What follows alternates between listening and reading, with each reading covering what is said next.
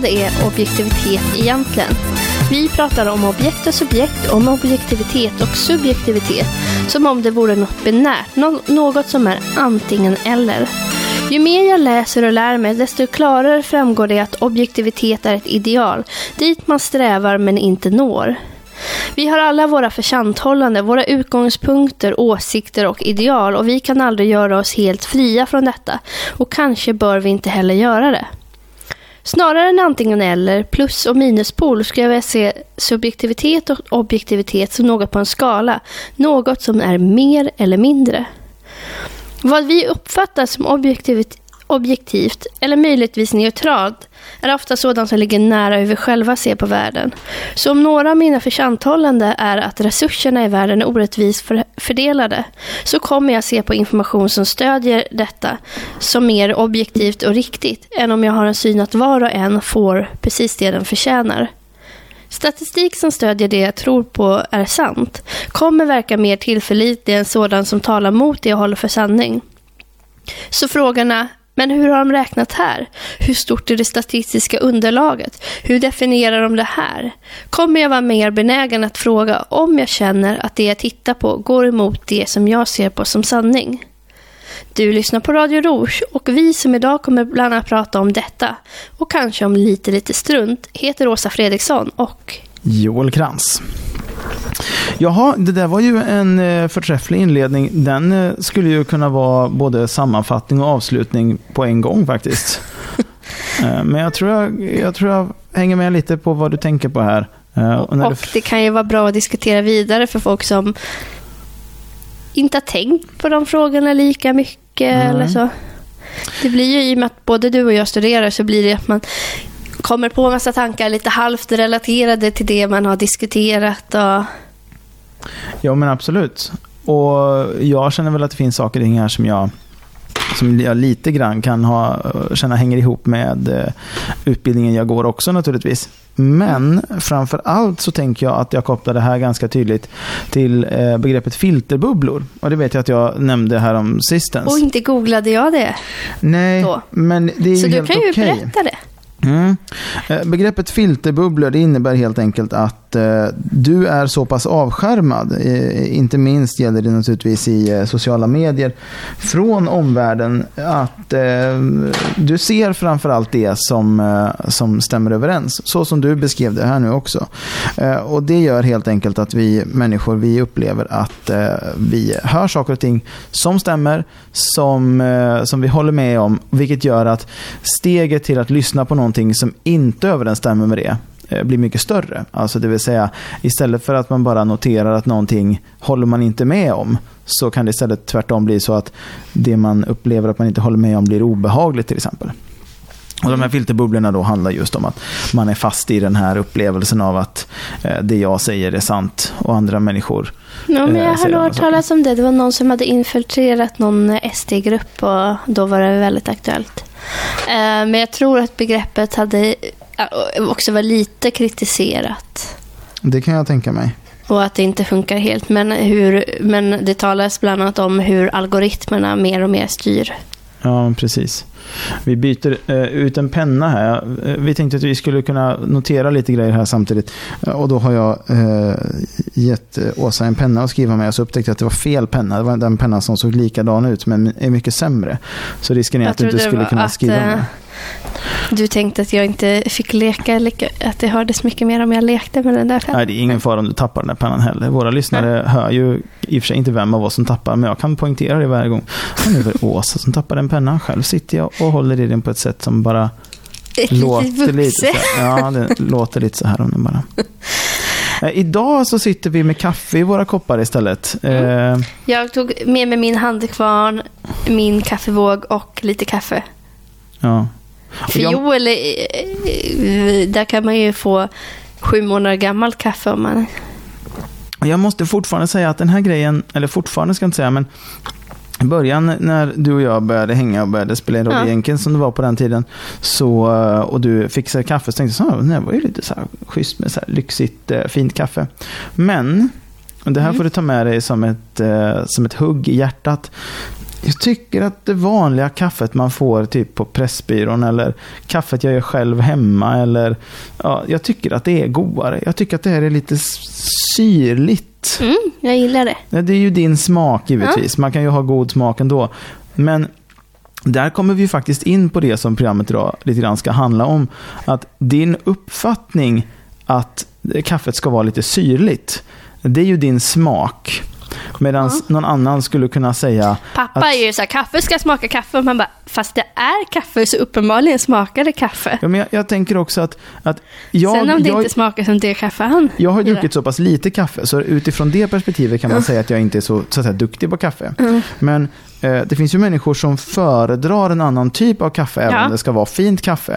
Och ändå så, får man, så, så, så känner ju du att du tycker det är intressant med kaffe, du gillar Mm. kaffe, du vill dricka lite finare kaffe för att det är bättre och godare. Mm. Men du väljer också de varianterna av kaffe som har mer syrlighet i sig. Ja, ja, jag väljer Och- mycket etiopiska och kenyanska och just Afrika mer än Sydamerika. Och det här säger inte Det- mig så mycket, jag känner Nej. inte till att de har en Och större det här är syrlighet. just Pa- Panama, så Mellanamerika, men det blir olika, man odlar på olika höjder och man har olika, så det blir olika smak på det. Och här försöker inte jag säga att du inte har objektivitet i det här. Men jag tycker att det blir intressant i det att jag tänker ju instinktivt, jag kan ju inte så mycket. Så det här är säkert så att säga godare, säger jag inom, inom citationstecken nu, så att säga godare och därför bättre kaffe. Och sen inser jag ju att det här är ju i det att du gillar ett syrligt kaffe, eller ett syrligare kaffe, Mm. och jag inte gör det, säger ju egentligen ingenting i sig om att det här kaffet är bättre. Eh, Det kanske är bättre kvalitetsmässigt, men att den har den här finns ju- smaken med högre syrlighet, som jag instinktivt har tänkt innan, Mm. det är för att det är ett finare kaffe. Finare, bättre kaffe har den här smaken. Och nu inser jag att nej, nej, nej. Åsa har den här smaken. Alltså att Åsa gillar sånt här Okej, kaffe. jag får ju aldrig komma in Nej, men nu när är du pratar. Jag du försöker ju håller säga till... mig. Nej, men du mal ju på. Man kommer ju aldrig fram. Det är inte bara jag som säger. Nej, men därför försöker jag hålla mig så kort och koncist som Men möjligt. det gör du ju inte. Du säger Jo. samma sak tio Nu gånger. lyssnar jag på dig istället. Eh, det finns ju annat kaffe som kanske är mer kraftigare och chokladigare men som kan vara av samma kvalitet. Däremot så föredrar jag det. Sen finns det ju kaffe som är Rent, det finns säkert kaffe som rent objektivt är av sämre kvalitet, alltså har mer ska, skador alltså, eh, och allt sånt där. Men, eh, men, ja, men smak är ju väldigt objektivt, eller subjektivt. Men Mm nu var det ju kanske inte riktigt det vi skulle prata om. Men redan det blir ett exempel att lyfta upp. För det vi ska prata om handlar ju egentligen om just objektivitet och subjektivitet i sig. Och den här idén om vad som är neutralt. Och det är väl en ganska lättsam bra Att ställe att börja på. utifrån mina subjektiva ideal så kommer jag uppfatta någonting som mer objektivt om det stämmer överens med mina subjektiva ideal Mm. än om det inte stämmer överens. Ja, Mm. om någon paketerar en kaffeböna som, eh, som är väldigt fin och väldigt bra, men har en helt annan smakkaraktär än det du föredrar, paketerar den eh, på hyllan som en billig eh, som en billig böna för att lura dig och någon har den hemma hos sig och gör kaffe på den och du ser att den är billig så är du ju så att säga benägen att tro på billigheten. Alltså är ju så att säga kvaliteten i den kanske inte helt Sen kan jag tycka objektiv. vissa billiga kaffen smakar bättre än vissa dyra. Så att det, Återigen, Eh, men men de har ju gjort några blindtester med vin. Eh, och Mm. Sen kan det ju vara så att gemene man inte gillar när det blir för komplexa smaker och därför så kommer gemene man inte gilla det som räknas som fint vin till exempel. Mm. Eh, så det, sånt kan ju påverka. Vem är det egentligen som smakar och allt det där. Eh, men jag tänker att vi ändå ska kanske hålla oss... Gå ifrån kaffe Mm. och diskutera utifrån lite andra perspektiv. Mm. Objektivitet. För all del. Ja. Jag bara, jag bara lägger, lägger, eh, lägger till och poängterar det att själva, själva grundtanken säger ju inte om vilka områden vi ska befinna oss i Nej. för att diskutera det. Så man kan Vad är en bra bok? Hur avgör man det? Och nu jag sitter jag och bara tittar på Joels bokhyllor. Det var därför Ja. jag kommer att tänka på det när vi pratar den, om områden. Och den är ganska, den är ganska välfylld. Det här är... Här Ja, ser du, relativt. ja, inte du- jätte- jag har två bokhyllor, en väldigt låg med två hyllor och en hög bokhylla, alltså hel hög bokhylla. Och sen så har jag en bokhylla till som är nästan fylld också. Jag har inte läst så många av dem, men det betyder ju bara att jag har mycket kvar att läsa. Eh, och folk får för sig bara, men jag trodde du gillar böcker, du har inga böcker hemma. Man bara, jo, fast mi- mina råkar vara, i och med att jag bodde i en etta förut, så då, för att det inte ska bli allt för rörigt så har jag, vet du, skåp med dörrar, vilket gör att de inte syns. Men jag har typ så här trippla lager av böcker på många Mhm. hyllor och sen har jag i vardagsrummet har jag ytterligare någon hylla. Sen skulle jag egentligen behöva lite mer utrymme för böcker.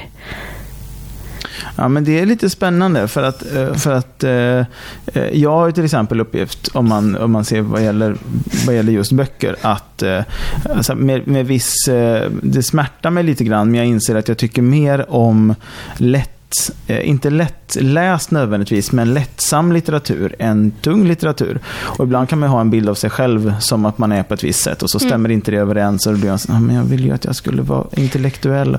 Men jag gillar ganska lätt Jag gillar enkel- lättillgängliga böcker Ja. ibland. Säkert om jag ska komma igång och läsa när jag har kommit ur en...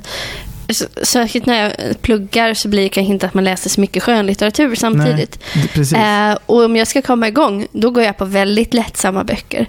Sen kan jag ju gilla, men det får inte bli om jag upptäcker att det blir korkat, vilket det har blivit någon när man bara stör sig, då blir det att jag inte läser klart det. För det var någon gång, jag kan gilla det som kallas kittligt, vilket Mm. på ett sätt är det ett bra sätt att beskriva det, men på andra sidan så är det ju så här, okej, men varför väljer man att definiera just böcker som riktar sig, handlar om tjejer och ofta riktar sig mot tjejer som just kittligt när man inte gör det med mäns. Men ja, böcker. Och då Mm. menar jag inte mens som är menstruation utan män som är de här äh, varelserna som är mer benägna att nyttja våld och annat. Ja, och, och den, den, an, den andra delen av det, det mer eller mindre korrekt ansett könsuppdelade mänskligheten, om man nu ska gå på någon slags biologisk könsgrej. Men jag vet att vi inte riktigt kan säga män och säga ja, män är, för då får vi omdefiniera det. Det är också en sån här sak som jag kan bli lite frustrerad över ibland. Eh, mest för att det gör det svårare att, att samtala. Ja, Eh, men är, Det jag skulle säga om de här böckerna är ju att jag kan gilla sådana för att de blir väldigt lättillgängliga. De är ofta de kan ofta vara bra skrivna på det sättet att de drar in en. De kanske inte är liksom någon stor litteratur. Det kanske inte är tankar, jag det kanske inte växer, vet jag, vissa saker man läser så, eller ser så blir det att man tänker vidare och så kommer man på nya. Men, men det blir underhållning och det blir liksom så här. Men så har det funnits böcker jag öppnat och bara första kapitlet, någon bok som jag läste, första kapitlet handlade typ var hur många gånger som helst har de börjat prata om hur var tjock den här huvudpersonen. Man bara, men gud vad ointressant det här blir. Mm. Eh, för egentligen så kan mycket så här kittligt ändå vara någon sån här empowering grejsimojs liksom. Mm. Eh, de är ju väldigt mycket på samma... Är så här, det händer någonting negativt, eh, dramatisk livsvändning i livet. Ofta bara de första sidorna eller så kommer du in efter tre kapitel så händer den här händelsen. Eh, personen får eh, struggling, eh, liksom Kämpa. med. kämpa med det. Ja, jag kan inte prata svenska längre. Det är okej. Eh, och sen, men så får den vet stöd och hjälp och börja uppfatta. Och sen helt plötsligt så, inte i alla, men väldigt många, så antingen träffar de precis någon eller så upptäcker de någon som har varit där hela tiden. Och helt plötsligt inser den hur bra den här personen är och sen blir de ihop och så blir det väldigt lyckligt. De är, alltså många av böckerna bygger på samma premisser lite. Det är samma, jag ska inte säga samma grundstory, men det finns väldigt många paralleller att dra mellan dem. Ja, alltså hur, hur man har valt att bygga upp boken finns väldigt mycket så här. Någonting negativt händer, de kämpar med det och sen, men så upptäcker de ljusglimtarna i det och sen helt plötsligt i slutändan så är de i mycket bättre situation än de var i från början. Ja, men det beror ju väl också på att nästan alla, nästan all den typen av litteratur ofta beskriver just eh, en persons människoöde någonstans. Och att Ja. människoöden går ju just i sådana cykler. Mm. En period som är bra och sen så händer det ofta någonting. Och händer det ingenting, då räcker det att det inte händer någonting. Det vill säga att, eh, att Det känns som en tristess och det, det, känns som bara... en tristess och, det, och då känner man mitt liv, det händer ingenting i mitt liv och då måste man ta tag i det och då kan det i sig antingen göra att det blir en ny så här skjuts uppåt eller så gör den här tristessen att det blir så jobbigt och så trist på lång sikt att man sakta går ner sig. Så Mm. Men, men det är ju liksom, för att inte tala om alla gånger som alkohol gör att man går snabbare ner sig för Mm. att man hade tråkigt. Om man dricker lite kanske det blir kul. Ja, det blev alldeles för kul. Ja. Eh, eller så var det kul till nästa dag när man vaknade upp. ja, det är ju en klassiker också. Eh, men, men just så här, vad är... Och jag kan ju tycka att i, ja, vilken litteratur ger någonting. Men så här, just när jag är... När jag har kommit ur, då tycker jag sånt är ganska skönt att läsa. Men det, det, det behöver inte vara djuplodande, men det får inte bli korkat. För det finns, det finns de som blir... Alltså, vissa kan ju ändå ha någonting att säga utöver det här att de får in lite vettigt i det här. Medan Mm. eh, beroende på vem avsändaren är, även om de använder en liknande mall, så beroende på vad personen som skriver har att säga om världen och har för tankar om världen, så kommer de ändå ha mer eller mindre substans. Men sen om man nu ska gå in på frågan om böcker så, så känner jag många gånger att det finns en väldigt stor skillnad i eh, upplevelsen av, av läsning. Och även om jag skulle säga att det kanske är mer en upplevelse av kvaliteten på boken så kan ju en jättebra historia vara helt eh, förstörd och värdelös av att den är språkligt bara lite dålig. Mm. Kan ju, kan ju verkligen förstöra en, en riktigt, riktigt bra bok. Mm. Eh, och jag tycker nästan alltid när jag läser böcker som jag får rekommenderat att jag är för benägen att haka upp mig på enstaka smågrejer. Det kan räcka med att det är liksom tre ställen där jag tycker att det här var ett fult sätt att skriva. Och det kan ju vara översättaren dessutom. Liksom. Så kom ihåg det, läs alltid eh, böckerna på originalspråk. De där på Eh. sanskrit är väldigt bra tycker jag. Ja, swahili. Läser du mycket böcker på swahili? Oh ja, För jag, jag, jag brukar tänka på det när folk säger just läs på originalspråk. Mm. Ja, men då utgår det från att man läser böcker som antingen är skrivna på svenska av en svensk eller är skrivna på engelska av Mm. någon som har det. Och så här, eller att du kan väldigt, väldigt många språk. Så Mm. det är ju snarare, men översättaren gör väldigt mycket. Oh ja, absolut. Eh, Jag tycker många gånger att eh, eh, det finns ju så oerhört mycket kulturell kontext som gör att det kan vara väldigt svårt att läsa på originalspråk även om man kan språket språkligt.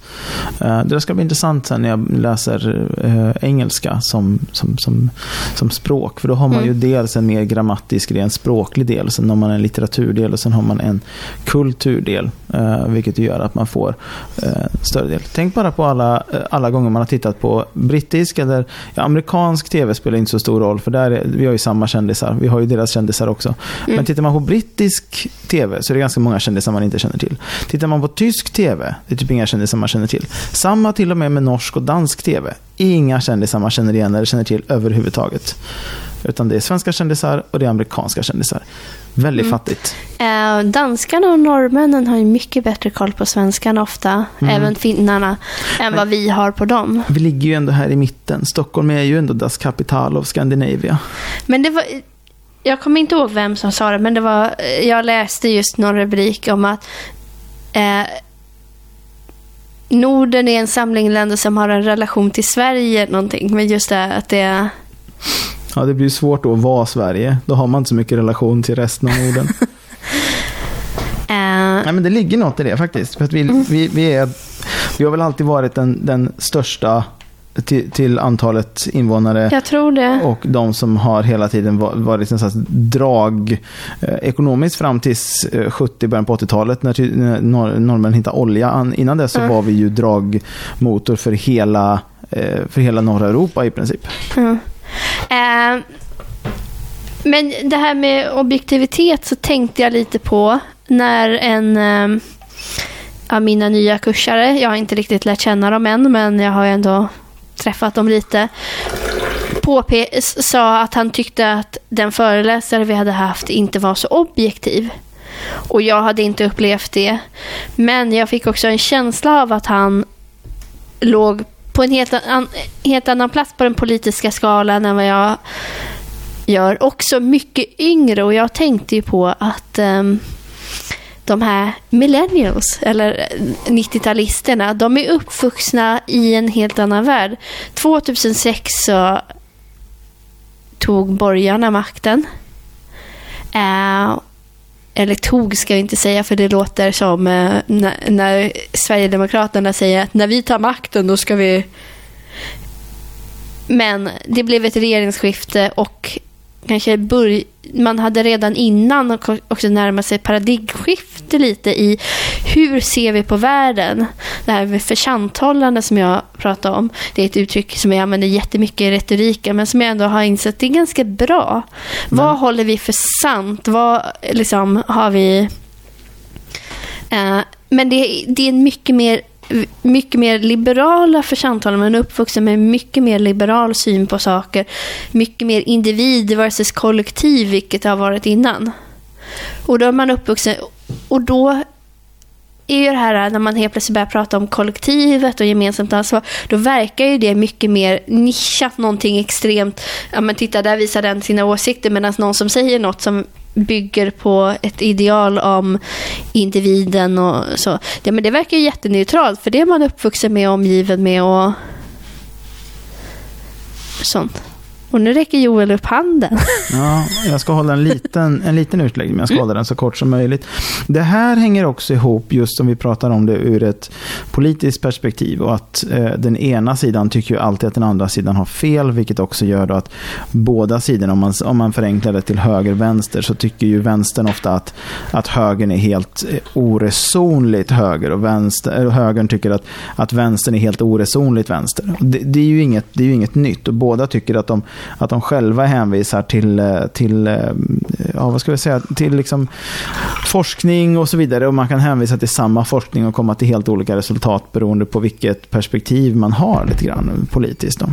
Men, det, men det som jag tänker på i det här det är att det finns eh, eh ett begrepp som vi läste en hel del i, under hösten eh, som kallas för postpolitik.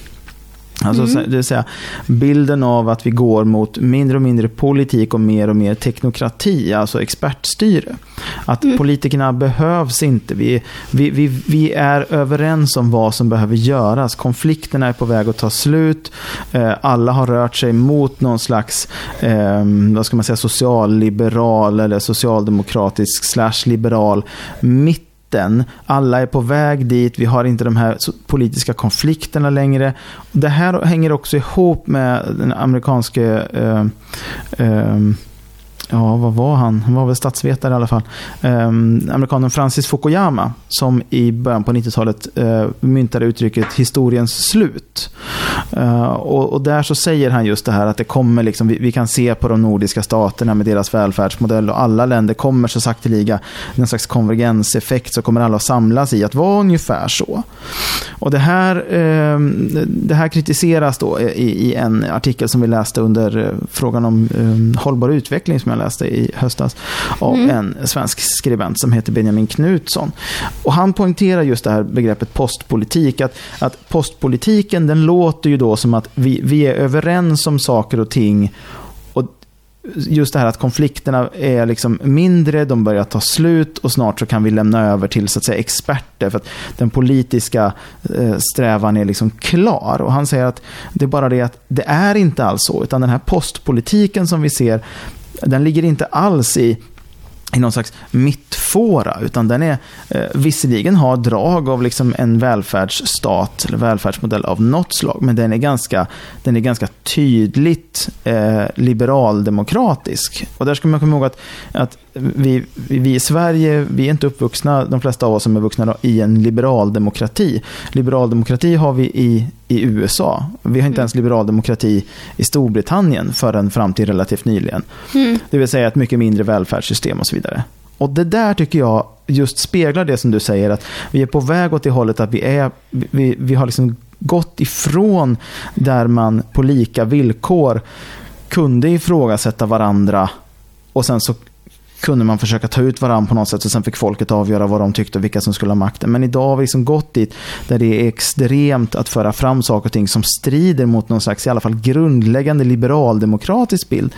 Medan den här liberaldemokratin egentligen ändå handlar om att först har vi de medborgerliga, de negativa rättigheterna. Rätten att inte få sin egendom konfiskerad, rätten till eh, så att säga frihet och, och så vidare. De här olika typerna av friheterna som framförallt handlar om frihet från en förtryckande stat för att man är rädd för staten. Mm. Och det är ju en ganska, alltså, det finns naturligtvis många delar av världen där det fortfarande är väsentligt. Men i västvärlden skulle man samtidigt kunna fråga sig, är vi fortfarande rädda för staten? Är det inte egentligen så att staten ska vara rädda för oss? Och eh, statsapparaten så att säga, ska nu ha, ha utvecklats så pass att, att vi faktiskt kan istället fråga oss vad eh, vad för positiva rättigheter kan vi ha? Rätten till utbildning, rätten till en, en, en trygg ålderdom, rätten Sjukvård. till sjukvård, rätten till någonstans att bo och så vidare. Det här är också egentligen grundläggande rättigheter, framförallt mm. i en, en utvecklad värld. Men där säger liberaldemokratin fortfarande att vi ska utgå ifrån att samhället när som helst kan kollapsa och då är det de här rättigheterna som är viktiga. Och hela den moderna världen bygger alltså någonstans på den här liberaldemokratin trots att vi har gått så långt att vi borde kunna bygga vår, vår eh, vår välfärd, vårt välfärdssträvande och vårt strävande efter, baserat på socialdemokrati. Och där mm. tänker jag att just, pratar man då postpolitik så ska man vara väl medveten om just att det har varit ett ganska kraftigt skifte från någon slags båda får säga till att idag eh, liberalismen har någon slags tolkningsföreträde. Mm. Det var en jättelång utläggning, men nu är jag klar. ja. Den var inte superdum i alla fall. Nej, absolut inte. Um, du har ju hunnit, i och med att du har... Vi har ju läst lite olika saker och nu har jag precis i dagarna börjat läsa Political Science 1, alltså statsvetenskap 1, fast på engelska. Mm. Uh, men Joel har ju redan läst flera av kurserna jag har läst. Det är de är inte exakt likadana. De skulle vara det om han läste statsvetenskap och inte mm. statsvetenskap för lärare. Precis, jag har läst en kurs som även på universitetet heter samhällskunskap. Och där är mm. jag uppe i och läser samhällskunskap 3, vilket börjar med samma kurser som i statsvetenskap 2. Då. Men då har ju han läst om vissa saker jag kommer läsa om. Mm. Och då kan det ju vara så att det kan finnas, förhoppningsvis har han lärt sig någonting och då kan det finnas lite grund i det han säger. Eventuellt. Sådär. Om vi har tur. Men även utanför inspelningarna så kan det också göra att, eh, att i eh, politiska och, och idémässiga samtal, att jag kan lyfta dig lite grann i Ja, men den idén som du för fram där, den, den känner jag också igen. Brukar vara så här. Nu ska man inte stressa på eh, en, ett, en, eh, någon slags eh, epiphany, vad heter det på svenska? Eh, uppenbarelse. Eh, uppenbarelse. För det är ju lite grann så det funkar när man, när man liksom kommer på grejer. Och man mm. måste ju få tiden att göra det själv. Men man mm. vill ju alltid liksom säga, men du, du, du, du, kolla här, kolla. Titta här vilken smart grej jag lärde mig förut. Det måste du lära dig nu. Och nu, nu ger jag dig alla verktyg och så säger jag, så här är det. Mm. Men den andra personen kanske då svarar med att men jag, jag, fattar inte det här alls. Och mm. så, kan det gå, så kan det gå en vecka eller två månader. Ah, du, det där som du sa någon gång, jag, jag kommer inte ihåg exakt vad det var, men jag tror jag fattar det nu. Och då är det någon annan lärare som har sagt exakt samma sak. Men då har man så att säga blivit mottaglig. Men då har den sagt genom, det lite bättre än vad det är. Ja, eller så har, man, så har man varit mottaglig för att det har varit i en annan kontext man har sagt. Ja. Man, var, man var förberedd, man var redo, man hade tagit stegen innan ja. för att komma fram till det. Som jag har ju insett eh, när man har suttit på föreläsningar, att det är ju så mycket lättare att Ja, men de säger, har ni några frågor? Har jag då läst innan föreläsningen och sen, då är det mycket lättare för då har jag någon typ av grund att jag har ställt in, dels ställt in hjärnan på att det här ska vi prata om. Mm. Eh, men också en grund i vad handlar det här om så att jag lättare kan ta till mig det de säger för att det är inte helt nytt. Mm.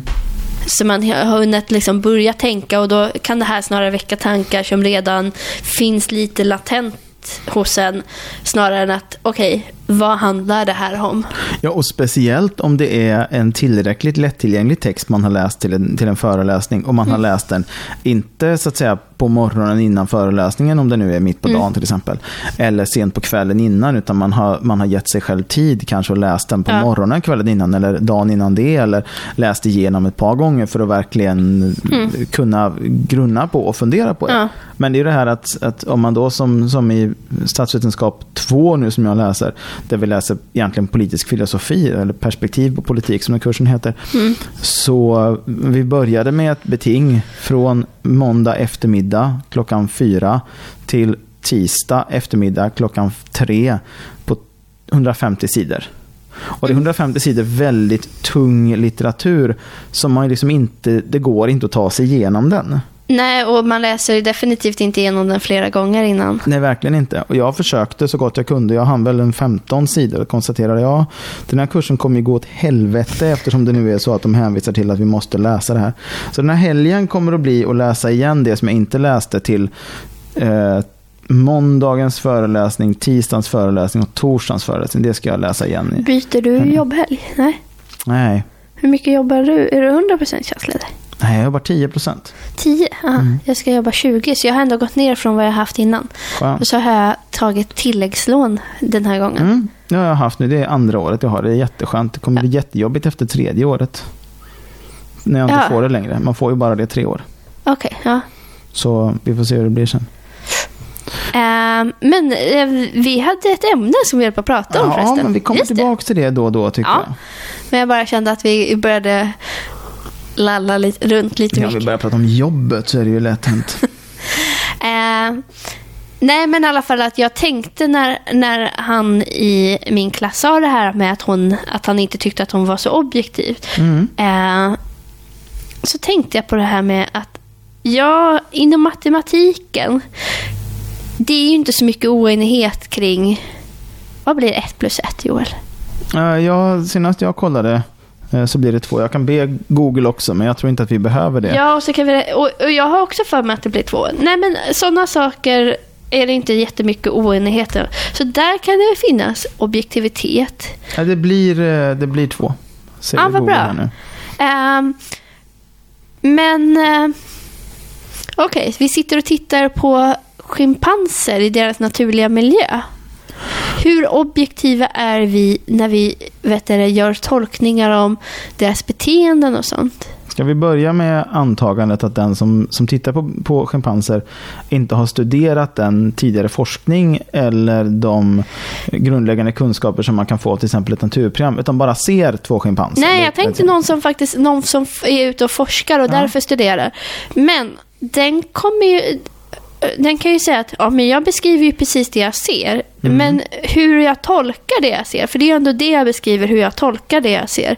Det kommer ju utgå från vad har jag för samtalanden och då har vi just det här med ehm, eh, Ja men när man tittar på, okej, eh, de manliga schimpanserna gör så här, de kvinnliga schimpanserna gör så här. Jo, men hur jag tolkar det jag ser kommer ju ändå påverkas av min syn på kvinnor och män. För det är det man har till viss del sett. Att ehm, jag kommer, när jag lägger in i vad betyder det här beteendet, så kommer det tolkas utifrån hur ser jag på eh, kvinnor och män och det vi har förmåga att tolka beteenden utifrån våran, våra församthållanden och sånt. Men där är vi väl också, nu pratar vi inte, inte förbi varandra, det menar jag inte. Nej. Men jag tänker att vi lite grann utifrån olika perspektiv ser samma sak. Därför tänker jag bara att jag vill liksom koppla tillbaka till det här igen. För att de som följer med mer i min eh, tankegång än din eh, ska också ska hänga med. Och de som hänger med bättre i din än min får ju så att säga ditt perspektiv på det. För jag tänker att det här lite grann också hänger ihop med ja, men just vem har tolkningsföreträde? Alltså, eh, normen är så himla tydlig, den här dikotomin, alltså tvåsamheten man, Binär kvinna. Syn på kvinnor och män. Precis. Och, och, och om den eh, bilden, eh, så att säga, genom Mm. att samhället ser ut i stort sett ser ut så. Speciellt om man tänker på hur pass extremt Sverige är i sin, hur långt vi har kommit på, Mm. på, på det här området. Så, så då, är, det ju väldigt, då är det väldigt naturligt att tänka sig att ja, men det är klart att det är därför. Att Det Mm. beror ju på att det finns ett tolkningsföreträde hos människor som studerar andra djur att tänka att det beror på kvinnorna. Eh, Honorna gör så, men eh, hanarna gör på det här sättet som du säger. Mm. När det i själva verket det kanske är eh, i stort sett samma beteende. Men vi Mm. upplever det olika. Ja. Eh, för det har man ju sett när man forskat på människobarn lite att beroende på om folk får vet, ofta att det här är en pojke och det här är en flicka så har man kunnat tolka samma beteende som helt olika saker. Mm. Eh, nej men just jag tänker att ofta har jag en upplevelse att folk som håller på med naturvetenskaper har en bild av att de är så objektiva. För här är ju en objektiv eh, med humaniora och samhällsvetenskaperna. En ganska godtycklig indelning egentligen i hur eh, så är det ju ofta att där är det tydligt att det är en tolkning. att Okej, okay, men om vi gör så här. Medans det inte... Man, man vet om att det är en tolkning man gör. Och man skriver också fram det i de texter man skriver och så. Mm. Eh, Medan inte alla, men många inom naturvetenskapen är, eh, har ofta bilden av att ja, men här får jag föra fram en, det här har jag observerat och så här är det till stor del. Jag eh, har en tanke på det här också som jag har eh, eh, eh ja, men, byggt upp under eh, några månader. Mm. Radio Rouge har ju legat i träda ett tag. Eh, vilket innebär att... Eh, vilket ni självklart märkt för ni har suttit på tå och bara, men kan de inte publicera något snart? Ja, eller hur? det har de ju gjort varje dag naturligtvis. Ja. Det är ingen som har skrivit till oss och frågat varför vi inte men i alla fall. Eh, det som, det är kanske inte så himla intressant, men eftersom jag inte går ut med saker och ting på Facebook så mycket så vet ni i alla fall inte om det. I slutet på augusti, början på september så gick ju jag och Maja skilda vägar. Så vi gjorde slut då. Det nämnde du nog när vi gjorde program förut. Kanske ja. jag gjorde. Jag minns inte ja. när det var senast. Men det är kanske ingen som har lyssnat på det, så, så det är nytt för dem ändå. Onödigt, som inte kommer lyssna på det här heller. Eh, sen har jag ju eh, träffat och dejtat ju en annan tjej idag.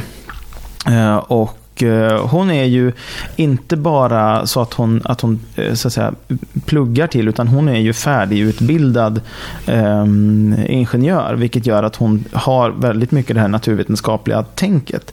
Och i, i samspråk med henne så har jag upplevt många gånger att det handlar inte bara om vilket sätt man är utbildad på, utan ibland så känns det nästan som att vi har olika um, här söker jag ett ord som jag inte kommer på riktigt. Nåväl. Kommer att, du på det på engelska? Nej, jag Nej. gör nog inte det. Men det känns som att, som att vi, vi har olika, lite grann, jag ska inte kalla det för förutsättningar, för det låter som, det låter som eh, kvalifikativt eller, eller, eller som att man kan mäta det på något sätt. Men det jag menar är att vi, att vi kanske eventuellt på samma sätt som vi alla människor neurologiskt drar åt olika håll. Någon är lite mer åt Asperger-hållet även om man inte liksom har, har eh, liksom, eh, så, drar så mycket åt något håll att, att saker och ting kan bli svårt i ens vardag. Någon drar lite åt ADHD-hållet även om man inte... Alltså, mm. Det här är ju också olika sätt att fungera. Och ibland så tänker jag nästan att det känns som att naturvetare, nu eh, gör jag givetvis en oerhörd förenkling, det vore ju jättekonstigt annars, men det känns lite grann nästan som att naturvetare har eh, ett lite annat sätt att tänka som gör att jag tror i alla fall att det är vissa människor som har en högre benägenhet att eh, känna sig hemma inom naturvetenskapen. Det mm. sättet att tänka, det sättet att se saker och ting. Mm. Medan andra människor inte är lika mycket söka efter en absolut sanning i det man pratar om, utan mer gillar att prata och fundera och blabbra och, och liksom analysera. Å ena sidan och andra sidan. Ja. Och om vi tar in det här perspektivet, vad kan vi se då? Och, och just därför så upplever jag mellan henne och mig att vi ganska ofta har lite olika syn på saker och ting där jag är ganska snabb med eh, att, eh, att tänka ja men det kan, nog vara, det kan nog vara så att jag har missuppfattat det här eller jag, jag har nog tolkat för mycket eller sådär. Ur hennes perspektiv och återigen, nu ska inte jag tala för henne, hon är inte här och kan jag på säga, försvara sig, men, mm. men, förklara hur hon faktiskt känner. Men jag får uppfattningen av henne att det kanske lite grann mer är att hennes bild är att nej men vi sa ju så här. jag sa på det här sättet, då är det ju på det sättet. Eller eh, ja, jag vet att du säger det, men sen gjorde du så här och då måste det betyda det. Om man har, liksom, men, alla har väl bråkat i sin relation mm. på något sätt. Och där ibland så känner jag att eh, fan, jag måste bli lite mer naturvetare och hålla fast vid att så här, nej men så här måste det vara för jag sa det. För det kan bli, inte slitningar kanske, men det kan bli lite halvlurigt i kommunikationen. För vi kommunicerar väldigt, väldigt olika. Jag kommunicerar extremt mycket som en samhällsvetare inom citationstecken. Och hon eh, kommunicerar på samma sätt ganska mycket som en naturvetare inom citationstecken. Men det där är också jätteintressant, att det är sån skillnad på eh, på vilket sätt vi pratar med varandra och att jag i alla fall upplever som att man kan se mycket av det, inte på grund av, men i alla fall det finns någon slags korrelation mellan sättet att kommunicera och vilken typ av tankesätt vi har när det gäller eh, att angripa ett problem till exempel. Och det tycker jag är mm. väldigt intressant. Sen kan jag, men jag kan också tycka, för, som har ändå varit kompis med men också ihop med flera som har varit lite mer naturvetare än mm. vad jag är, att många av dem kan tycka att de är lite mer... Ja, men jag, jag säger det jag tycker och så märker man, fast nej, för att du, det du säger går helt emot... Alltså, du säger saker som går helt emot varandra. Ja. Du tror att du är så väldigt rationell och liksom... Så, men det är mer att... Medan många samhällsvetare, man är mer benägen att sär, liksom vända och vida. Så man bara, ja men jag kanske kanske finns en diskrepans här i det jag tycker här och det jag tycker där. Och mm. Man är mer benägen att vrida och vända på saker. och Så att man är mer benägen att vara öppen för att man kanske ibland kan vara lite motsägelsefull eller vet det, snabb och dra slutsatser. Mm. Medan vissa... Jag, jag, jag tror att vi alla gör det, men vissa se, kan se att man gör det. Mm. Liksom. Att man å ena sidan säger en sak men beter sig på ett annat sätt. Och, ungefär som att... Ja, men jag vet ett ex han tyckte att just det här med att säga saker rakt ut. Alltså mm. mer, om vi tar den här klassiska, ja men jag är nog sugen på en kopp kaffe och kunna och när det inte har, är någon som har en tydlig aspekt, att man kan förstå. Man bara, fast du gör det ju också hela tiden, men du tycker det är naturligt att jag ska förstå att du menar. Mm. Ska vi göra kaffe eller ska mm. vi gå in på ett café? Medan det är inte lika naturligt att det är mer en sån här benägenhet. Hur, hur är jag inställd på att försöka läsa av folk eller är jag, förväntar jag mig andra saker av andra än mm. av mig själv? Och att man inte ser att man gör samma sak som man kanske kritiserar hos andra. Och det är ju förmodligen lätt hänt. Det är ju säkert hos, hos oss alla. Men det finns eh, kanske människor som tenderar att göra det mer på grund av ett, eh, ett visst sätt att tänka. Liksom. Mm. Eh, är det ordet kognitiv dissonans jag söker? Eller vad är det för något? Ja, men det kan det nog vara. Ja, det, det, är ordet, det, det är dissonans i det här fallet, men jag minns inte om det är kognitiv. Jag tror inte att jo, det är men kognitiv. Det, jo, det är kogni- är det om, det, om det är det uttrycket du är ute efter så är det kognitiv dissonans. Är jag ganska säker på. Uh, ja, det finns i alla fall som kognitiv dissonans här på, på Google. I alla fall. Ja, jo, men då stämde Jag hade för mig att det var ett annat ord. Det skulle vara nämligen en kognitiv. Nåväl, mm. jag tänker att det stämmer ju lite grann överens med den här mm, upplevelsen som du beskriver också. Just att um, eller den hänger ihop med det i alla fall, ska jag säga. Just att man kan uppleva att en annan person har en uppfattning, säger någonting eh, och att eh, de kan bli väldigt så, tycka att men det, det, är på det här sättet. Och om man då säger, ja fast det här är ju också ett annat sätt att se det. Så är det många människor som väldigt mycket går i försvarsställning och menar nej, nej, nej så där skulle jag aldrig säga eller så där kan inte jag tycka. Eller just för att det är någonting som du upplever som väldigt annorlunda. Och det blir ju ännu mer så. Alltså det var väl det vi var inne på i början, även om jag inte använder de orden. Men i de här filterbubblorna, det som mm. händer är ju att när alla tittade på samma eh, ett eller två eller tre nyhetsprogram. För att mm. liksom 90% av alla hade bara ettan, tvåan. Eh, eller sen ettan, Eller att det var de enda som fanns. Ett, när det bara fanns Ja, någon kanal. jo precis. Men jag menar, även sen när, när, när eh, de första eh, satellitkanalerna eller kabel-tvn kom Mm. så var det väldigt många, om inte 90 procent, så i alla fall ganska många som inte hade dem. Utan, och fortfarande var det en väldigt stark eh, strävan att man tittade i första hand på, på Aktuellt klockan nio. Och när jag och Joel var halv unga, två. Eller så Om det är någon åtta. lite yngre än oss som lyssnar. Alltså, det var väl någon gång när vi gick i högstadiet som internet började slå igenom att fler fick det hemma. Och då var det sån här uppringningsmodem. Det, Mm. det gick inte snabbt, det fanns inte så mycket. Så, så det var verkligen att Nej, det var ju text, Gå till video- och en, text och enstaka bilder är det vi pratar om då på Ja. internet. Eh, Aftonbladet-chatten. Det, men det var, titta på det som gick på de här vanligaste kanalerna. Gå på bio, gå till den lokala videoaffären och hyra en film. Om man hade videobandspelare hemma, det hade inte vi, det var för dyrt. Nej. Så jag är är Ja. uppväxt helt utan, helt utan möjlighet att titta på ens inom stationstecken vad man ville av det man då hade hemma eller kunde hyra. Det, det gjorde Ja. ju inte vi det heller. Liksom. Ja, just vi, vi hade ju en VHS va? Mm. Eh, och så, så jag tittade ju på mycket film där. Ska jag fortsätta med den här tanken om kognitiv dissonans som jag hade bara? Ja, det kan du väl få göra Jag då. ska försöka avsluta den så jag ser att jag inte bara tappar bort den helt. För någon kanske ville följa med i det resonemanget, alltså ta i trä, men det kan ju hända. Om vi har någon lyssnare.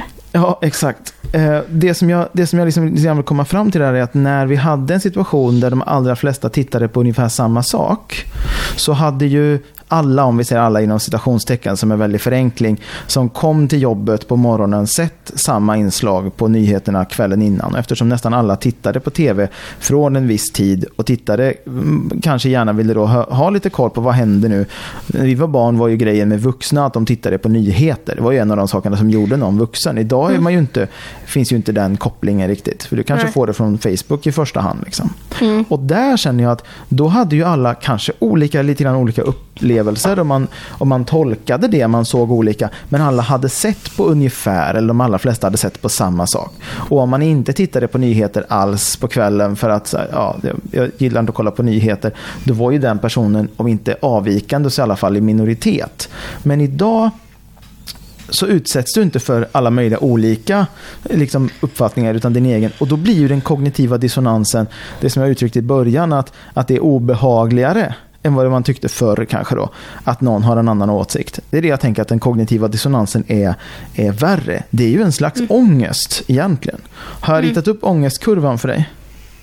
Nej. Och den kanske vi kan... Det är lite- För jag tror inte i radio Det är väldigt podd. svårt. så ser man ju inte det. Så det kanske är någonting vi kan titta på sen och Ja, återkomma till. Om, Om det, inte... så, om det är så att vi inte kan lägga ut någon länk eller något i våra show Ja. notes, eventuellt kan vi det. Men annars så, för det finns en, eh, det finns en del, man kan, googlar man på det så får man upp både lite bilder och, och det finns någon som förklarar det. Men, men det, om du tänker dig att det är någon slags parabel, alltså en, en uppåtgående kurva som sen går ner igen. Så Mm. att när du är på väg upp i den här ångestkurvan, då känner du mer av förändringen från förut, snarare Mm. än att du känner hur högt upp du är. Du känner att jag har mer ångest nu än för liksom fem minuter sedan eller tio Mm. minuter sedan. Och man vet heller inte var den här ångesten ska ta vägen. Mm. Och det gör att innan du väl kommer upp och liksom når krönet och är på väg ner, Mm. varefter det ju känns mycket bättre. Det känns Mm. mycket bättre när du precis har passerat krönet och det känns lite bättre än för en stund sedan. Mm. Än det gör när du kanske var på väg upp men lägre ner på ångestkurvan. Så den är, den är väldigt subjektiv. Men den gör också att om man vet om att den är sån och, och kan stå ut med att att ta sig igenom att ångesten får lov att liksom komma, eh, slå Att så här, igenom. jaha, känner jag så här nu? Ja, då kommer den också att kännas mindre farlig nästa gång. Och Mm. Ångest är ju, är ju kanske ett stort ord i sammanhanget, men jag tänker att den här kognitiva dissonansen är ju lite grann av en form av ångest. Att Mm. liksom någonting är jobbigt för man förstår inte. Hur, vad, vad, är, vad är min inställning till liksom, eh, eh, jämlikhet, jämställdhet och samtidigt pornografi till exempel? Ja, men Det är ju två ganska, här, det är svårt att få dem att gå ihop kan man tycka. Eh, och den ångesten, om man aldrig har tänkt på det förut och det är jättestort så är det jättejobbigt. Men genom att tillåta sig själv att som ta det så blir det bättre. Mm. Och då tänker jag att om den kognitiva dissonansen från början för att man i mindre utsträckning utsätts för Mm. andra människors uppfattning så kommer den att vara mycket jobbigare. och ju jobbigare den känns från början, desto mindre benägen är man att ta tag i det. Så puttar man undan det och gör något annat och kollar på kattvideos istället. Eller diskutera sina slutna grupper där de flesta tycker Mm. ungefär likadant som en själv. Jag hörde någon jävel som sa så här, ja de är ju dumma i huvudet och sen är det klart. Mm. Eh, men när jag pratade om det här i inledningen, om Mm. statistik som stödjer det jag tror är sant kommer verka mer tillförlitlig. Mm. Eh, så är det ju lite så här att jag tog upp, tyvärr lyckades inte vi hitta någon av artiklarna som handlar om det. Men det kom en rapport om, eh, som jag tror var från Brå, eh, om eh, som kommer varje år och, och sen tog den upp misshandel och då vet du det, mot kvinnor då främst. Mm. Och så gjordes det en artikel om att eh, misshandel från liksom, folk vet det, som man inte kände, eller som hade en nära relation med hade ökat jättemycket och det verkade som att folk blev överfallna i mer i större utsträckning. Men journalisten som skrev den här artikeln hade inte läst den här lilla disclaimern som var nedanför som sa att eh, definitionen av våld i nära relation, ej i nära relation har förändrats. Så att man har, det, som tidigare låg under rubrik A ligger nu under rubrik 2. B, om vi Ja. nu ska vara lite konsekventa. Det tycker jag absolut vi ska vara. Eh, vilket innebär att nej, det var ju ingen markant ökning i det här våldet, utan det var eh, hur definierar man vem som är i nära relation? Man hade ändrat den definitionen och då hade vissa saker som var i kolumn A flyttats till kolumn B och då såg det ut som att det fanns en ökning om man inte läste informationen om eh, hur, hur undersökningar har gjorts och Mm. sådär. Den här artikeln var publicerad på någon av Sveriges Radios redaktioner, Jag tror att det kan ha varit SR Värmland, men jag ska inte svära på det. För att som sagt, vi hittar inte den nu när jag googlar, men det var häromdagen. Eh, de sa Oj, ursäkta, vi har eh, gjort fel, tog bort artikeln. Men däremot så den här informationen har ju redan spridits och tagits upp av de som tycker att och vi har ju sagt att vet, många fler blir utsatta nu när, vet när Sverige tar emot massa fler ja, man säger inte invandrare eller flyktingar utan man säger kulturberikare eller så. Ja, det är väl mer nazisterna som säger det, de som uttalar sig så, så hårt. Men, Ja. åtmin, men åtminstone att man, att man hänvisar till att det beror på det, vilket det ju inte finns Ja. tecken på att det gör. Men. Eh, och då har de siffrorna liksom redan spridits. Men att vi kan ta saker för sanning om det ligger nära att ja, men, har du inställningen av att dessa jävla invandrare som gör det här, då kommer du ju liksom direkt titta på de här siffrorna och bara, “Åh, men det är ju det jag har sagt hela tiden. Medan om du bara, men vänta, hur stämmer det här? Då kanske du läser den där lilla rutan som säger, jaha, nej men här har de ju flyttat. Här har de ju ändrat lite hur de tolkar det här. Ja, ja, men då kan det ju betyda det här och det här. Att man, vi, är så benägna, vi är benägna att tolka vad vi tror är sant. Ja, men då köper vi det. Utan att ifrågasätta så mycket. men det här ser man ju på Facebook också ibland att folk eh, eh, eh, ja, man kan ibland skriva så här eh, att de har delat en artikel och att det var intressant. Och så kan det finnas där, dela inte om du inte läst. Ja, Eh, Och, och det säger ju någonting om att det är så vanligt att folk läser en rubrik eller klickar på artikeln och läser bara ingress eller sådär och tycker att det är jätte, jätteintressant och jättevettigt och sen delar man det men man har inte läst hela artikeln. Någon sa till och med jag önskar att det fanns en funktion som gjorde att det inte gick att dela hela artikeln förrän man hade läst hela. Hur det Mm. nu tekniskt skulle gå att lösa. Men just den här grejen att, att vi jag var förbi jobbet igår en sväng när jag väntade på, Mm. på eh, Sofia som jag dejtar då. Ehm, och, och väntade på henne för hon skulle komma med, med pendeltåget till centralen. Så hade jag en liten stund över så bläddrade jag i en tidning och ser oj men gud vilken intressant artikel här om dödsstraff. Eller inte en artikel, det var en, en, en, en krönika eller en, en, Mm. eh, ja, eh, under strecket i SvD. Jätteintressant. Läser hela den, tycker det var superintressant. Eh, ämnet och så vidare är mindre intressant och väsentligt här.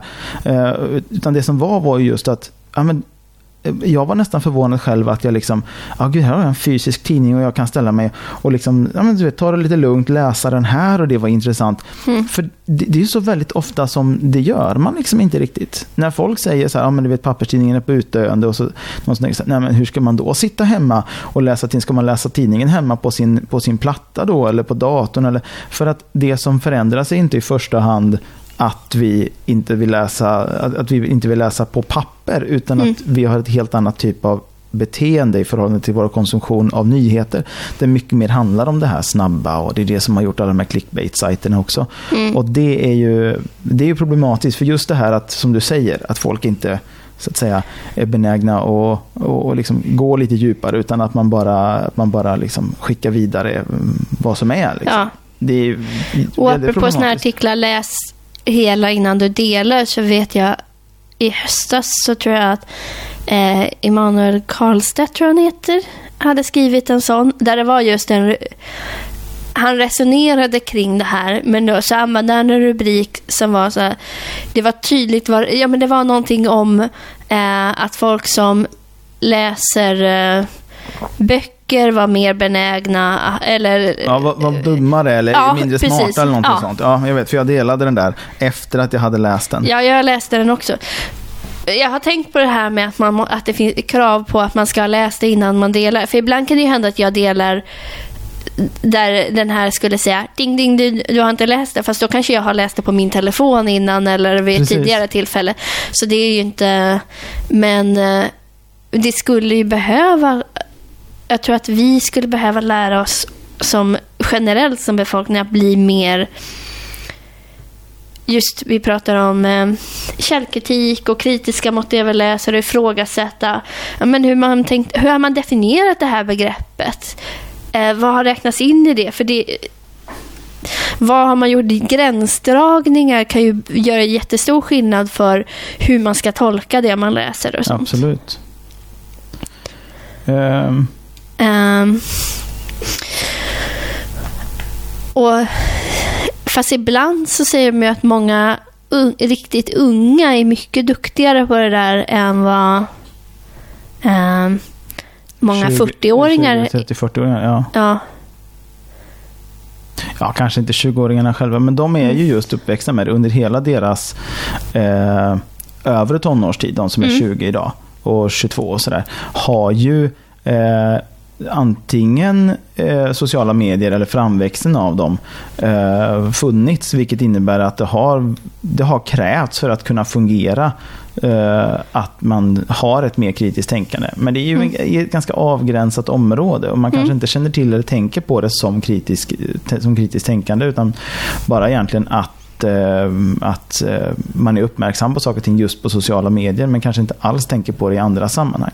Man kanske fortfarande mm. är lika benägen som, som 40-åringar att gå på, inom citationstecken, någonting som någon eh, så att säga, bara häver ur sig eller påstår. Mm. Ja, men vet du att det var så och så där och där? Ja, det var en polare som berättade det för mig. Åh, fy fan. Mm. Det är ju inte alls omöjligt. Liksom. Ja, min polare har sagt att om vi går med i EU kommer det komma 10 000 ty vet, tyska bögar till Sverige.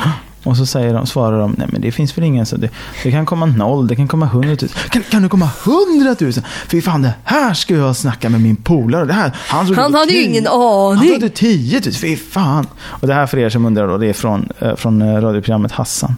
Um, och den heter nog 10 000 tyska bögar. Den heter nog 10 000 tyska bögar. Jag tror att det går att googla Det finns på Spotify om de inte har tagit bort det. Men Aha. förut fanns det på Spotify. Vi ska se och det, det finns, finns absolut på YouTube, vet jag.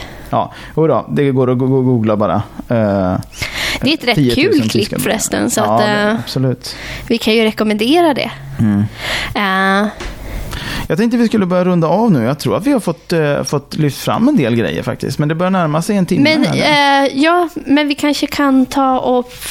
Men det vi pratar om är att objektivitet egentligen inte riktigt någonting, det är ett ideal. Det är ingenting som riktigt finns. Vi kan inte, och det kan vara bra att vara medvetna. Och jag sa någonting om att eh, vi kanske inte ens bör frigöra oss från våra idéer. Som, för om vi bara är ett skal, då blir det lite så här, men vem som helst hade kunnat göra det här. Mm. Utan det som kan vara viktigt är att, man, att det finns en slags tydlighet ibland i man presenterar vad är åsikter, vad har jag baserat det här på, så att den som är mottagare kan titta på, okej, okay, men om vi tittar okej, den här undersökningen, ja, men de har gjort så här och så här. Mm. Eller, okej, jag vet att den här personen kommer från, har det här perspektivet.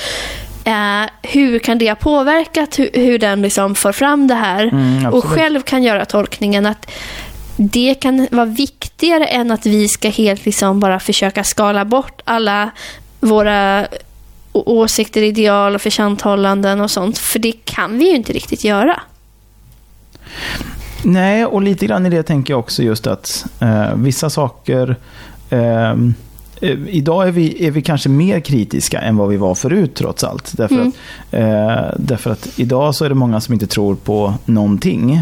Tycker att allting är relativistiskt, Vi- ingenting är sant. Något Medans- motsvarande som det här med nylonstrumpan över tvn ja, men, men jag, alltså, skulle vi inte kanske gå Nej, det, på jag tror inte det. Samtidigt så är det ju, så får man komma ihåg det att förut så, så berodde det ju på att det fanns en hög tillförlitlighet och därför en auktoritetstro till till exempel Sveriges Television, Sveriges Radio som inte finns i samma utsträckning idag. Det här att man berättar så här har vi gjort mätningen, så här, så här gick undersökningen till. Det är ju förhållandevis nytt. Alltså det, var inte, det var inte ett lika stort fokus på att prata om metodiken eller metodologin, vilket man nu vill eh, syfta på i den här undersökningen längre tillbaks. Utan det har man ju så att säga märkt att man behöver göra för att man inte ska få trust issues, att folk inte ska uppleva att det här, det här är något fuffens med. Och den biten tänker jag är jätteviktig att liksom vara uppmärksam på. Mm. Och jag vet inte om vi... Vi pratade nog bara om det innan, men vi kanske inte har tagit upp än just det här med det här med undersökningar. Att förut, jag tror att vi bara pratade om det innan. Förut när alla de här instituten som ska kolla, okej, vad skulle du rösta på om det var val idag och, och det. När de ringde så fick de vad heter det, svar på ett helt annat sätt. Och nu är folk mindre benägna att svara där, vilket innebär att man att sådana institut som använder andra mätmetoder, ofta själv eh, ehm, rapporterade, eller vad ska jag säga, Ja, precis. Där folk har fått signa upp sig för att de vill, aktivt vill delta i undersökningen. eh, i, har blivit större och det innebär också att eh, det blir ett annat urval. Det blir inte det här eh, ett utsnitt från den svenska befolkningen på Nej, samma sätt, utan det precis. blir folk som aktivt har valt. Eh, vi pratar om YouGov och sen någon som jag inte kommer på namnet på, men som Aftonbladet har Mm. och att det kommer påverka resultaten, att man ser, okej, eh, hur många procent skulle Moderaterna, Sverigedemokraterna, Social... Eh, Vänsterpartiet få om det var val idag. Att man får helt olika siffror beroende på hur man valt att göra undersökningen och att man också måste se att går in på Nyheter 24 och ser att när de har en liten ruta längst ner Ja, men så här många har sagt, vad heter det, håller med om den här grejen. Mm. Eh, Sverigedemokraterna borde vara största parti i i Sverige idag. Eh, eller de borde inte vara det. Eh, att här är ju folk som det är bara folk som aktivt har valt att gå in på sidan Nyheter 24 som har svarat och det är inte alla som har gjort det. Utan, och folk som är med en viss åsikt har ofta kunnat gå in och delat den här i någon grupp de är med och sagt Viktigt. Oj, den här sidan heter det, har övertag. Gå in och tryck att ni tycker som vi. Mm. Eh, och lite så fungerar det här med YouGov och sådana att Titta, här är en undersökning som kollar på det här. Ni måste gå in och svara här. Istället för att, okej, vi ska ha ungefär så här, si och så många kvinnor och män, si och så många i den här åldern, den här åldern, den här, i de här ålderskategorierna som svarar. Och utifrån det så viktar vi resultatet och ser eh, vi tror att om det skulle vara val idag så skulle Socialdemokraterna få si och så många procent. Och att det är, just med statistik så är det bra att kolla vad har man ställt för frågor, hur har man ställt frågorna och till vem har man ställt frågorna. Ja, och, och det är väl just det som visar, som du säger, att man behöver tydliggöra sådana saker idag. Och att eh, förut så var det, det var lite av en ynnest att bli uppringd och Ja. få berätta vad man själv tyckte. Idag är det bara jobbigt att någon ringer. Men förutom att de behöver upplysa om det så är det ju också att gemene man kanske måste bli mer benägen att fråga de frågorna. Okej, men, de säger, men okej, vem, vem har gjort undersökningen? Vad har de haft för perspektiv? Vad har de ställt? Hur har de ställt frågorna? Eh, och till vem? Vem har kunnat svara på de här frågorna? Mm. Och att ställa sådana frågor kan ge en en bild av hur mycket kan jag lita på den här informationen? Mm. Ja, visst. Eh, så. Och vi kommer ju när vi har lagt upp programmet på servern, på hemsidan, så kommer vi dela det på vår sida. Och det är jätteroligt om ni vill vara en del av en diskussion om objektivitet, neutralitet, subjektivitet. Får vi en kommentar och det är en kommentar mer än vad vi brukar få. Så Ja, ja. det vore ju trevligt. Och är, får vi en kommentar så är det mer troligt att vi får en andra kommentar som kanske... Och så helt plötsligt har vi en liten dialog där i kommentatorsfältet. Mm. Ja, och det vore väl liksom intressant att se hur det, hur det utvecklar sig. Ehm, jag tror att vi ska ta och börja avrunda här nu, ska Ja. jag säga. För vi har dragit över timmen som vi tänkte vi skulle ha egentligen. Ja. Ehm, Men vi har ju planer på att återkomma lite mer frekvent än vi har vi gjort eh, senaste halvåret eller året. det får vi fall. väl lov att påstå. Vi har eh, försökt sätta upp någon typ av riktlinjer för hur ofta vi ska uppdatera riktlinjer vi tog bort förut. Men nu har vi lite, lite slappare riktlinjer än vi hade förut när vi hade, skulle vara lite mer strikta på hur, när vi la upp det. Men lite mer tight än när vi bara sa att Nej, vi lägger väl upp något när vi känner för det sådär. Vi kände väldigt sällan för det, verkar det som. Ja, eller snarare vi kände mycket mer för andra saker och så tänkte man Ja. att jag kanske borde göra ett program. Ja, men jag gör det snart. Ja. Jag ska Snart. bara. Snart alltså. Idag är det den 20 januari. Får se när, när det här läggs upp. I helgen här nu hoppas jag. Är Du lägger väl upp det ikväll? Ja, om jag orkar lägga upp det ikväll. Jag kanske måste kolla på TV. Sånt har jag inte för. Hörrni, eh, tack för att ni har lyssnat. Om ni har lyssnat, ska jag Mm. säga. Jag heter Joel Krantz. Fast ni som hör det här har väl lyssnat, hoppas Ja, jag. ja, det är klart de har. Men ni som inte lyssnar, ni hör ju inte att när vi säger tack för att ni lyssnar. Ska vi inte bara avsluta på ett snyggt sätt? Jag, Ja, jag ja. la upp det för dig och smasha här jättebra. Jag heter Joel Krantz, Och jag heter Åsa Fredriksson. Och du lyssnar på Radio Rouge.